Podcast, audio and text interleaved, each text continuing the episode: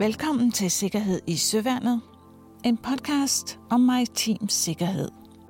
Her inviterer vi dig med indenfor i Søværnet og med på en udviklingsrejse fra traditionel sikkerhedsforståelse hen mod en mere nutidig forståelse af sikkerhed.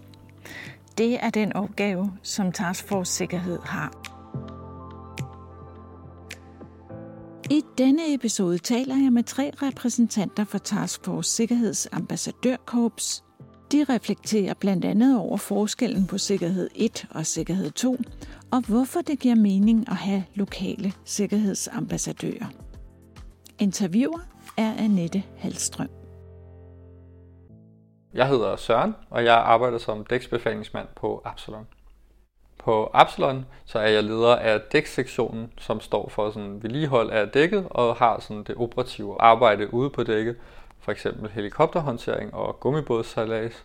Men mine folk de bemander også øh, broen som rorgænger eller udkig, og så har vi også nogle forskellige roller i forbindelse med nærforsvar, bemandet, øh, bemanding af TMG og LMG. Faktaboksen. Når Søren siger TMG og LMG, så kræver det lige en kort forklaring. TMG det står for tungt maskingevær, og LMG det står for let maskingevær. Du har jo siddet her og været med i det såkaldte ambassadørkorps. Hvordan var det at deltage i det? Ja, jeg er blevet inviteret til at være en del af det, som hedder Task Force Sikkerhed. Og jeg synes, det har været enormt givende at være med i det. Øhm, også et, så er det jo rigtig godt at høre, hvad er tænkningen inden for feltet. Jeg er blevet orienteret omkring, hvordan det er, øh, der bliver tænkt omkring sikkerhed i organisationen, øh, og hvad vil man gerne gøre for at øh, sådan ændre måden, man tænker om det på. Det, jeg synes, der har været mest givende ved det, det er jo at møde andre fra Søværnet, som har nogle forskellige opgaver, arbejder på forskellige slags skibe, og høre, hvad er det for nogle ting, som de bekymrer sig for, hvad er det, de har fokus på i forbindelse med sikkerheden på deres arbejde, på deres enheder. Så jeg synes, det mest interessante ved det, det har været at se, hvad er det, vi har til fælles. Fordi skibene har meget forskellige opgaver. Øhm, vi har en slags opgave, men skibene, der arbejder i Nordatlanten, har en noget anden slags opgave. Og så synes jeg, det har været rigtig spændende at se, hvad er det, vi har til fælles? Altså, hvad er det for nogle bekymringer øh, i forbindelse med vores arbejde, som vi har til fælles over i alle tre eskader, kan man sige. Så det synes jeg har været rigtig, rigtig godt. Hvad er det vigtigste, du har fået ud af at deltage, vil du sige? Jeg tror, det jeg har lært mest af, det er, at der er en øh, ældre måde at tænke omkring sikkerhed og sådan undersøgelse af ulykker på. Netop det her med, at man ser på, hvad er det, der er gået galt, og hvem er det, der er skyld i den her ulykke. Og nu kigger man mere på, hvorfor går det godt de 99% andre gange, og hvad er det, der har så har gjort, at den her ene gang er anderledes. Og det kan måske godt forstås lidt som det samme, men man kan sige, er der en gummibåd, der er kendret, jamen så kan man gå ind og kigge på, jamen, hvorfor kendrer den? Eller man kan kigge på, jamen hvorfor kendrer det ikke normalt?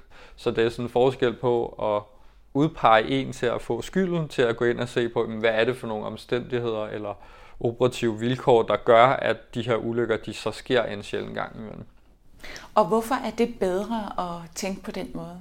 Jamen, jeg tror, det er mere konstruktivt, og det gør også, at folk ikke er bange for at rapportere ulykker. Man kan sige, hvis du øh, ved, at der kommer en kommission og undersøger dig, og så får du skylden for, at det her det er sket, jamen så er du måske mindre tilbøjelig til at rapportere en ulykke. Jeg tror også, det er en bedre måde at inddrage vores folk på, og så sige, prøv at du har mulighed for at fortælle om, hvorfor går det godt for dig, når vi laver de her hændelser. For eksempel, nu er gummibådssalas bare det mest oplagte eksempel med at sige, jamen hvorfor er det, at vi godt kan operere i rigtig, rigtig dårligt vejr? Hvordan vil du øh, kunne bruge det, du har lært her de sidste par dage, når du skal tilbage til dine øh, medarbejdere? Jeg synes, at det vigtigste, jeg kan tage med, det er jo, at når vi holder en evaluering af en hændelse, og det behøver jo ikke at være en særlig hændelse, altså det kan jo bare være, jamen når vi har løst en opgave, hvor vi har løst en, en god opgave, altså for eksempel at lave noget pakstransfer om natten i dårlig vejr. Faktaboksen. Pax transfer, det betyder passenger transfer. Så det handler altså om at fragte personel fra en enhed til en anden, eller fragte dem i land. Og med denne lille oplysning tilbage til interviewet med Søren. jamen når vi har løst en opgave, hvor vi har løst en, en god opgave, altså for eksempel at lave noget pakstransfer om natten i dårlig vejr, og så snakke med dem om at sige, hvad var det, der gjorde, at det lykkedes? Var det fordi, at du fik en god briefing om forholdene, om øh, den havn, du skulle hen til? Øh, var det fordi, vi havde sat den mest erfarne til at køre på kranen? Altså, og så kan man jo sætte sig ned og sige, ja, det var fordi, at X han er dygtig til at køre kran, og jeg stoler på, at han er god til det i godt vejr, så det gjorde mig mere tryg ved at løse opgaven. Så hvis man kan holde den slags evalueringer omkring, hvad er det for noget arbejde, vi har så dagligt, og hvorfor er vi dygtige til det, i stedet for at sidde og hver eneste, altså kun når der går noget galt, og så sige, jamen hvorfor var det torvværket sprang? Jamen det var fordi, der var for meget træk på, og det er fordi, at Y han var en klovn. Øhm, og så, så det er jo sådan, altså jeg synes bare, det, det synes jeg klart er det vigtigste, jeg kan tage med herfra, det er at gå ind og se på, hvorfor er det, vi er dygtige til vores arbejde, fordi det er en højrisikobranche, og vi håndterer de her risici rigtig, rigtig godt. Og derfor så synes jeg, det er enormt vigtigt at gå ind og kigge på, hvorfor er det, vi er dygtige til vores arbejde, og ikke sådan prøve at finde ud af, hvem skal have skylden, når der er et eller andet, der knækker. Tror du, at der kommer til at blive færre ulykker fremover på grund af det her initiativ? Ja, på grund af det her initiativ, så vil jeg godt sige ja, hvis man kan formå at dele det ud i organisationen er et, hvis I rapporterer ulykker, så bliver I ikke banket oven i hovedet. Og to, hvis I kan formå at holde fokus på, hvad er det, der gør jer dygtige til jeres arbejde i hverdagen, så er det jo, at vi kan lære noget af det, og hvordan er det, vi udvikler os som øh, organisation og i ned, helt nede på sektioner og enkeltmandsbasis. Altså hvis du kan rose en mand for at sige, en gast, for at sige, øh, hvad er det, der gør, at du er tryg ved at udføre dit arbejde, og man kan sige, at det er fordi, jeg har arbejdet sammen med det hold, jeg har gjort længe, som siger, okay, så hvis vi skifter nogen på holdet, så har I brug for noget samtræning, inden vi sætter jer ind i en skarp situation. Og det tror jeg, at det er med til at minimere risiciene.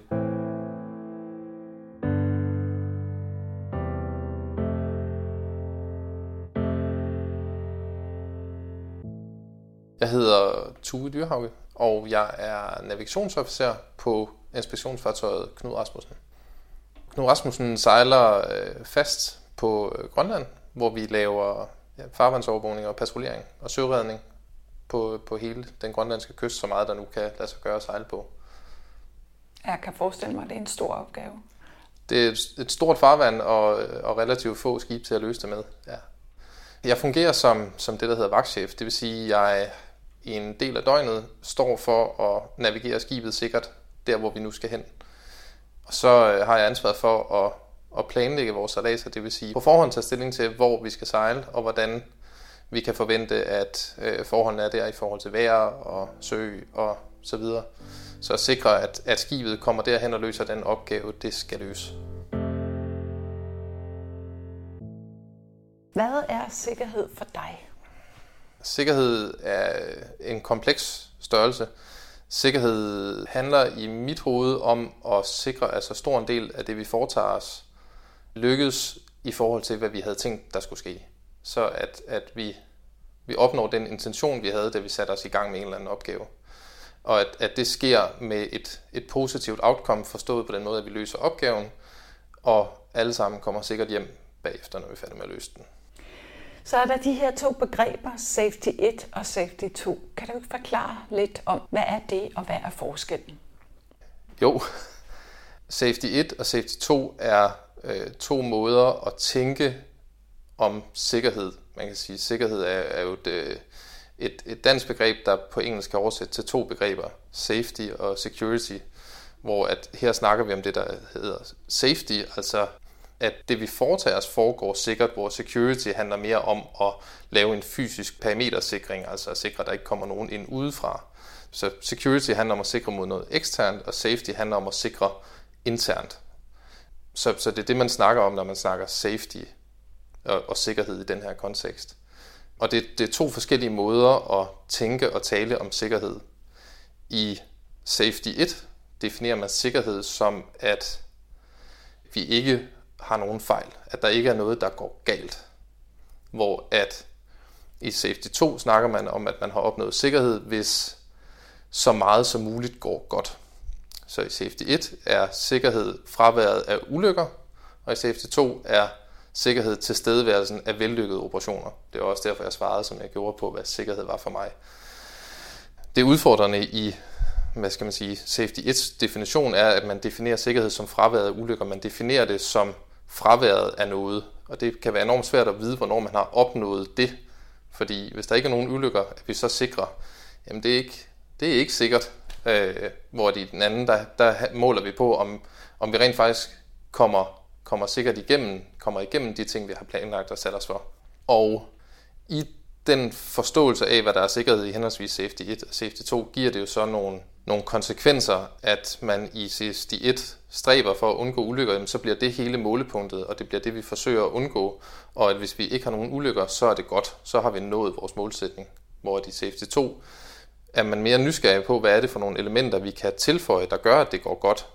Og at man mere kontinuerligt stræber efter at opnå en sikker operation. Og derfor hele tiden laver en sådan udvikling på det positive, på succeserne, frem for at kun kigge på det, når det går galt, og sige, prøv at finde ud af, hvad det var, der gik galt.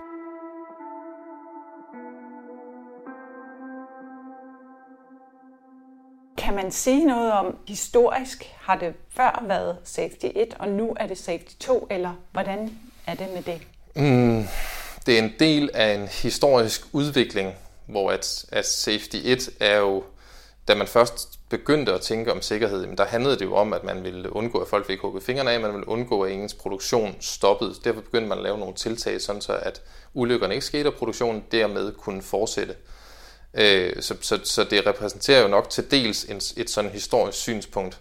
Det udviklede sig jo til, at man begyndte at lave sådan procedurebeskrivelser, og begyndte at, at sige, at man havde sikkerhed, hvis man havde nogle gode procedurer, og man kunne dokumentere, at de her procedurer var blevet overholdt, så havde man en sikker operation. Og det, det forbedrede jo også sikkerheden i meget af det, man lavede. Men man nåede ligesom øh, et loft i, hvor meget, hvor langt kan man nå med procedurer. Ligegyldigt hvor mange procedurer man har, hvor gode de er, og hvor gode folk er til at følge dem, så er der en eller anden naturlig variation i verden, i de systemer, vi indgår i, som nødvendiggør, at vi skal kunne mere end vores procedurer. Og da man ligesom nåede til den erkendelse, bevæger man sig så over i Safety 2, hvor man anerkender det det komplekse, det kaotiske, det uforudsigelige, og siger, at vi skal, vi skal skabe et system, der kan håndtere kompleksitet og kan håndtere det uforudsigelige, og kan reagere hensigtsmæssigt, har det tilstrækkelige manøvrerum, den tilstrækkelige kapacitet til at reagere på alt det, vi ikke har forudset, alt det, vi ikke har skrevet ind i vores procedure, for det vil uvilkårligt opstå, det vi ikke havde forudset. Vi anerkender, at der er noget, vi ikke ved. Og det er en, en relativt ny bevægelse, at man man anerkender den kompleksitet, og i sit systemdesign overvejer, hvordan sikrer vi, at vi har den tilstrækkelige kapacitet til at håndtere alt det her, vi ikke havde forudset. Og hvordan har man så det? Ja, hvordan har man det? Altså, øh, menneskesynet er en af de sådan store forskelle i Safety 1 og Safety 2. I Safety 1 anser man mennesker som en, hvad skal man sige, en risikofaktor. Mennesker øh, reagerer uforudsigeligt og udgør dermed en risikofaktor hvor man i Safety 2 tænker, at mennesker har en naturlig kapacitet til at, og, og, og tilpasse sig en adaptiv kapacitet, som er den, der så kan introducere sikkerheden. Så man introducerer sikkerheden i Safety 2 ved at optimere betingelserne for at tilpasse sig.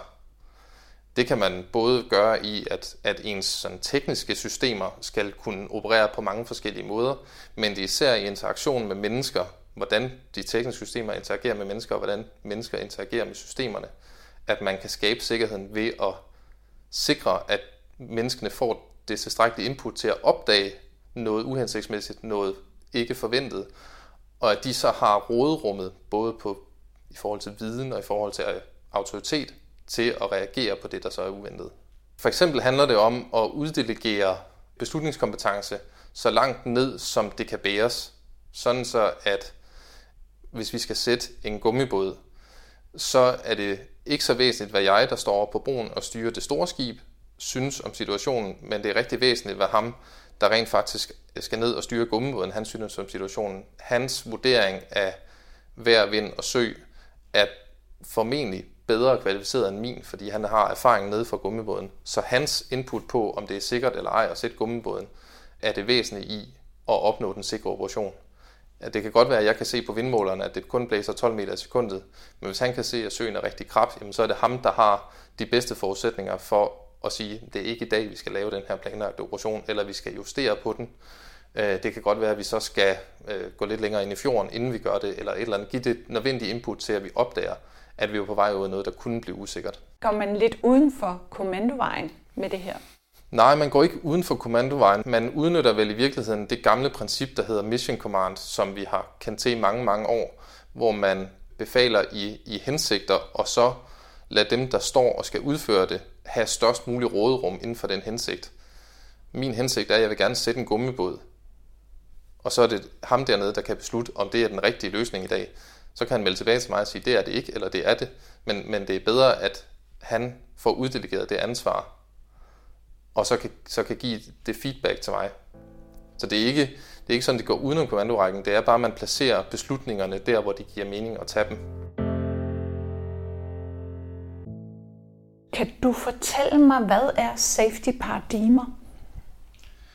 Safety paradigmer øh, taler jo lidt tilbage i det her med, hvordan man tænker om sikkerhed, og hvad man tænker, at sikkerhed er.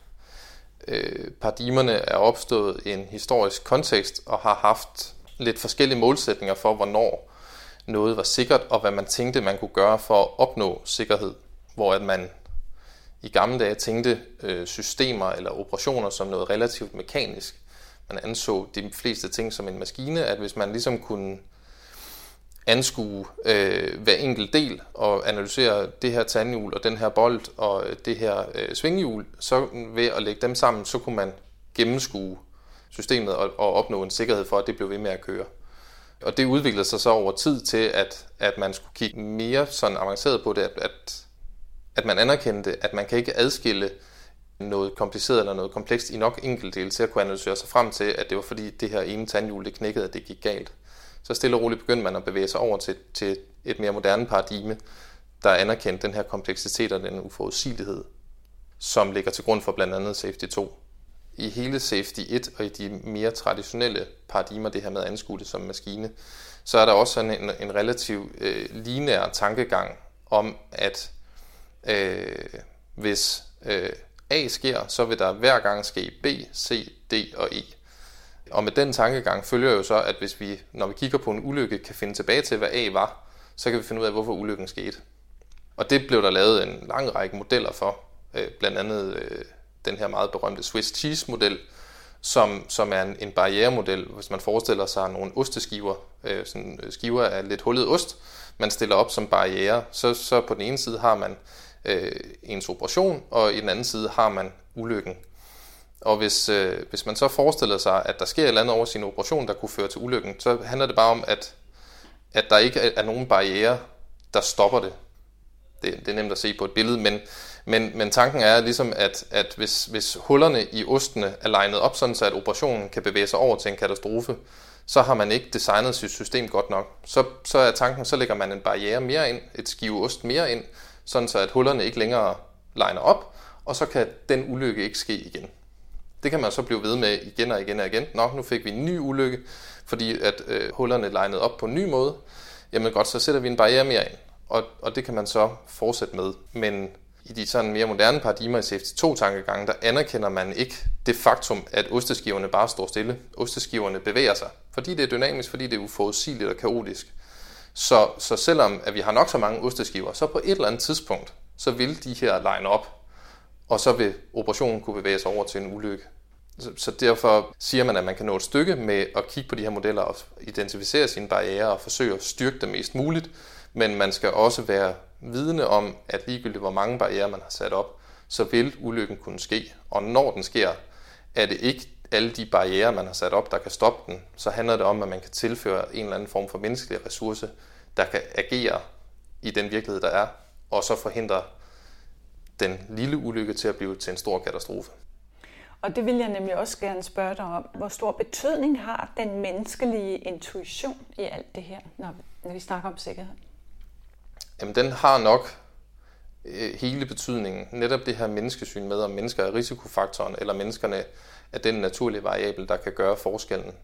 Hvis man anerkender den præmis, at verden er variabel, og at mennesker, at den, vi kan, ikke, vi kan ikke lære en maskine endnu i hvert fald, at reagere på noget uforudset, men det kan vi lære mennesker. Det ligger som en naturlig evne. Så hvis vi enes om den præmis, jamen, så, så kan man ikke undvære mennesker til at være den faktor, der rent faktisk kan redde den naturlige variation, der er. Der vil altid ske noget nyt hver eneste dag. Selvom vi tager to mennesker og giver dem samme træning, sætter dem til at løse samme opgave, så vil de løse den forskelligt. Og de vil jo løse den forskellige mandag, tirsdag, onsdag og torsdag, fordi det er forskellige dage. De har sovet forskelligt, de har spist forskelligt. Whatever. Så selvom mennesker agerer øh, forskelligt og dermed uforudsigeligt, så er det også det, der skaber sikkerheden. Fordi at systemet også reagerer uforudsigeligt, så kræver det noget, der kan agere uforudsigeligt på det, hvis der så sker et eller andet.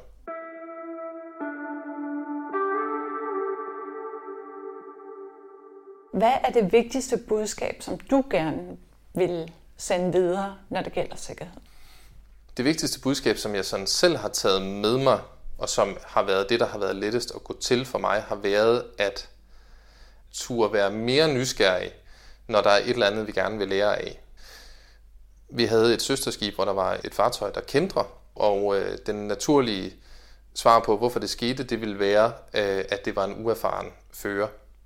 Og det er også muligt, at det er en medvirkende årsag, men det er formentlig ikke hele sandheden. Så det vigtige er at spørge ind til, jamen, hvad var det, der gjorde, at den fører, han tog de beslutninger, han gjorde? Øh, hvad, hvad havde han af forudsætninger, og hvorfor havde han de forudsætninger? Sådan, så man bliver ved med at spørge, og ikke bare pege på, at det var føreren, der lavede en fejl. Det ved vi ikke nu, om det er. Det, det her det er, det er et tænkt scenarie, men, men at man ikke bare peger på, at det var en førerfejl, men at finde ud af, hvad havde føreren af forudsætninger? Hvorfor tog han de beslutninger, han gjorde? Hvilke omstændigheder manøvrerede han i der?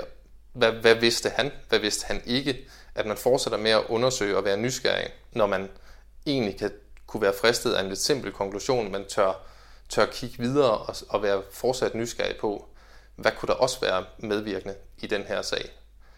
Det er den ene del. Det er, når der er noget, der er gået anderledes, end vi havde forventet.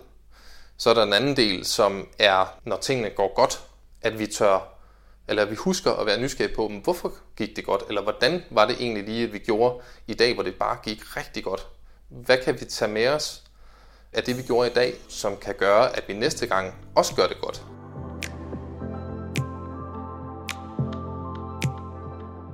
Til slut bad jeg Tue Dyrhauge fortælle, hvad han ser som det væsentligste, når det gælder måden, vi tænker sikkerhed på.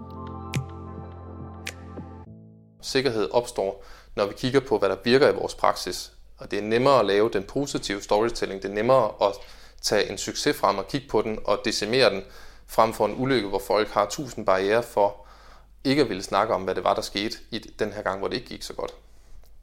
Jeg fik for nylig lov til at træne og lægge øh, vores, øh, vores skib til kaj, altså lave en havnemanøvre, som er, er noget relativt komplekst og noget, jeg ikke så tit har fået lov til at prøve.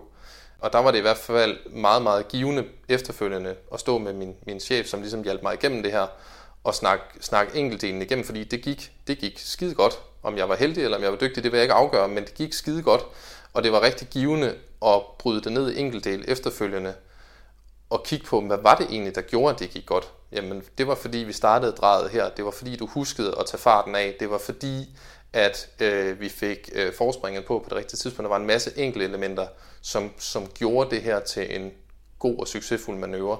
Og det at bruge tiden på at få det brudt ned, så har jeg lige pludselig nogle enkelte dele, jeg kan tage med mig til næste gang, frem for bare at have en følelse af, at jeg lavede en skide god havnmanøvre, men jeg ved faktisk ikke helt hvorfor.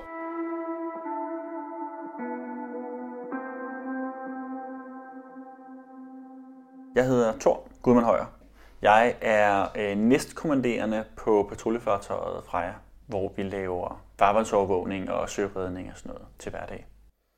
Du har så deltaget i det her øh, Task Force Sikkerhed, ja. ambassadørkorpset. Hvordan har det været at være med til det?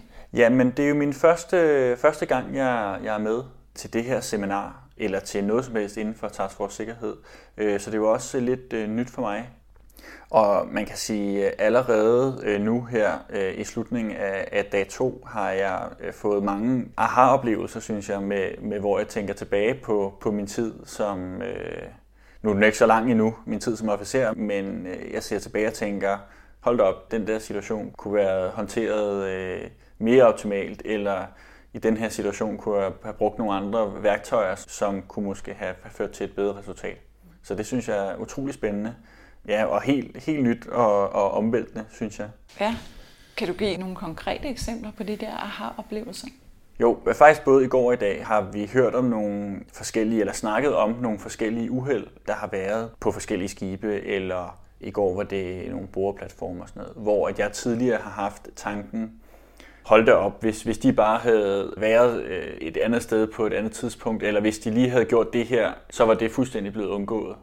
Hvor jeg tror, jeg nu har fået en anden opfattelse af, af hvordan det er, det er sket. Altså, at det man ikke nødvendigvis kan bare, bare ved, at, ved at gøre en enkelt ting bedre, stoppe en hel ulykke, men så var der måske sket noget andet, og ulykken havde set anderledes ud, eller det her med, at alt det kan beskrives. Jeg er oprindelig ingeniøruddannelse, og derfor så meget, meget øh, glad for at kunne beskrive alt. Og meget sådan, jeg tror man kalder det deterministisk i min tankegang, hvor at jeg, jeg gerne vil kunne beskrive alt, hvad der er. Og det tror jeg måske, jeg har fået en, en mere sådan, en, det, det jeg har oplevelse af, at, at okay, der, der er måske, det er måske mere komplekst, end hvad man lige går og tænker, og man kan ikke bare stoppe alle ulykker ved bare at, at blive ved med at, at forfine procedurer, eller hvad det nu kunne være.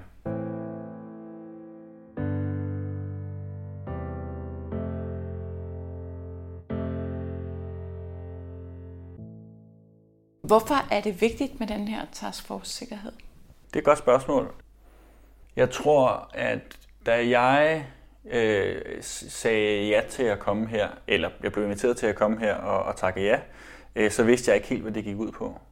Og jeg havde en fornemmelse af, at det var mere noget med arbejdsmiljø, arbejdssikkerhed inden for det, og, og tænkte, at det var egentlig meget interessant. Nu er mit job, jeg har nogle folk under mig, og jeg vil selvfølgelig gerne have, at, at de, de har en så god oplevelse på deres arbejdsplads som muligt.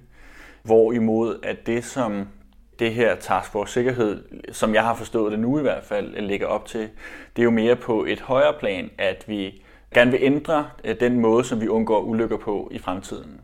Og nu har jeg jo ikke set noget øh, data på det, og jeg ved jo ikke, om den her måde, man gerne vil gøre det på, øh, sikkerhed 2, er bedre end sikkerhed 1, eller hvordan det hele hænger sammen. Men jeg synes i hvert fald, det er godt, at der er fokus på måske ikke at gøre det på den samme måde, som man altid har gjort. Og det er positivt, at der kommer en lidt mere, jeg tror, jeg vil, vil kalde det en realistisk tankegang til det med ulykker, om at de er, der er ikke nogen ulykker, som er uundgåelige. Det handler bare om at gøre de ulykker så små som muligt, ved at give folkene den, klæde dem bedst på til at håndtere de ulykker, der nu i sagens natur være. Tror du også, det vil hjælpe på den der såkaldte nulfejlskultur, der måske har været? Øh, man kan jo håbe på, at, at det spreder sig til andre dele af øh, søvandet, fordi at det her er en helt øh, ny måde at tænke på. Fordi nulfejlskulturen, den er jo både i, i arbejdssikkerhed øh, og sikkerhed, som det her er, men den er jo også i øh, skolestrukturerne, og den er også ude på arbejdspladserne, når vi handler om de operative opgaver. Men, og det kommer også som et ønske fra os selv af, at vi vil gerne lave så få fejl som muligt. Og der tror jeg, det vil være sundt for hele søværnet måske at ændre det. Og i stedet for at snakke om, at vi laver så få fejl som muligt, så snakker om, at vi laver så mange gode ting som muligt. Og det tror jeg da helt sikkert noget, som, som jeg vil bringe videre til min besætning og mine fremtidige tjenestesteder i søværnet. Og jeg håber på, at jeg selv kan holde fast i den her energi, der er her nu, og på en eller anden måde, at der bliver holdt gang i det her task force sikkerhed, fordi jeg tror, det kan kunne sprede sig på en positiv måde ud i søværnet. Så du har faktisk lige svaret på et af mine sidste spørgsmål, det var, hvad det vigtigste var, at du kan give videre. Men ud over det, du lige har sagt, er der sådan nogle andre ting, hvor du tænker, det er vigtigt, som jeg vil give videre til mine medarbejdere? Ja, til at starte med tror jeg, at det helt sikkert kommer til at handle om inddragelse af vores medarbejdere, når vi skal lave nye procedurer, eller når der skal laves noget ombord, som er nyt, eller hvis der er noget, der skal ændres, måske inddrage øh, folkene noget mere. Og så samtidig vil jeg også gerne tage det med at få det hele vendt lidt på hovedet, så vi ikke snakker om, for eksempel når vi har lavet en øvelse, så har vi jo altid debriefing bagefter, og der snakker vi tit om, hvad der gik galt i øvelsen det her gik galt i øvelsen, og det her gik galt, og det må vi hellere gøre bedre til næste gang. Så måske lige vente lidt på hovedet, og så snakke om alle de gode ting, vi gør, og sørge for, at vi gør de gode ting igen, i stedet for at sørge for at lade være med at gøre de dårlige ting. Det tror jeg vil, vil have en positiv effekt. Og det er ikke sikkert, at det har en positiv effekt på vores performance, men jeg tror, det har en positiv effekt på stemningen ombord. Sådan så der kommer en lidt mere sådan... Det skal være godt at gå på arbejde, ikke sådan en mere positiv stemning omkring de ting. Sådan så det ikke skal være ærgerligt, når vi skal lave øvelser, men det er faktisk noget, som folkene ser frem til, fordi at nu kan de komme ud og vise, hvad de kan. Og det sagde her til sidst Thor Gudmund Højer. Lyt med i næste episode, hvor jeg taler med Nana Tit, som for lederne søfart har undersøgt samarbejdet og relationen imellem sø og land. Måske er du blevet inspireret til at blive en del af Task Force Sikkerheds ambassadørkorps. Du kan se mere på Task Force Sikkerheds teamsite på Søværnskommandoens intranetside, hvor du kan læse mere om formålet, og du kan finde datoer på de kommende workshops og seminarer. Tak fordi du lyttede med. Hvis du ikke allerede er en del af Søværnet, men overvejer at blive det, så kan du læse mere om os på forsvaret.dk.